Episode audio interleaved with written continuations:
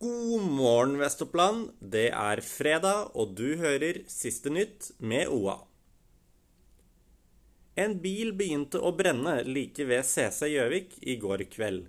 Ifølge politiet så begynte den å brenne i rundkjøringen på riksveien. Alle nødetater rykket ut, og bilisten ble sjekket av helsepersonell etter å ha pustet inn noe røyk. Emrik, som er halvannet år, ble avvist av legevakten, men dagen etter ble han lagt inn på sykehuset. Mor Linn Granheim reagerer på at legevakten ikke tok henne alvorlig nok, og ikke gjorde mer enn å gi konsultasjon over telefon uten å ville se til gutten. Du kan lese hele saken på oa.no.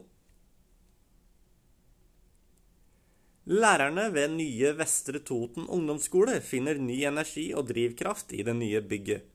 For Tor Amundsen har den nye skolen gitt en grunn til å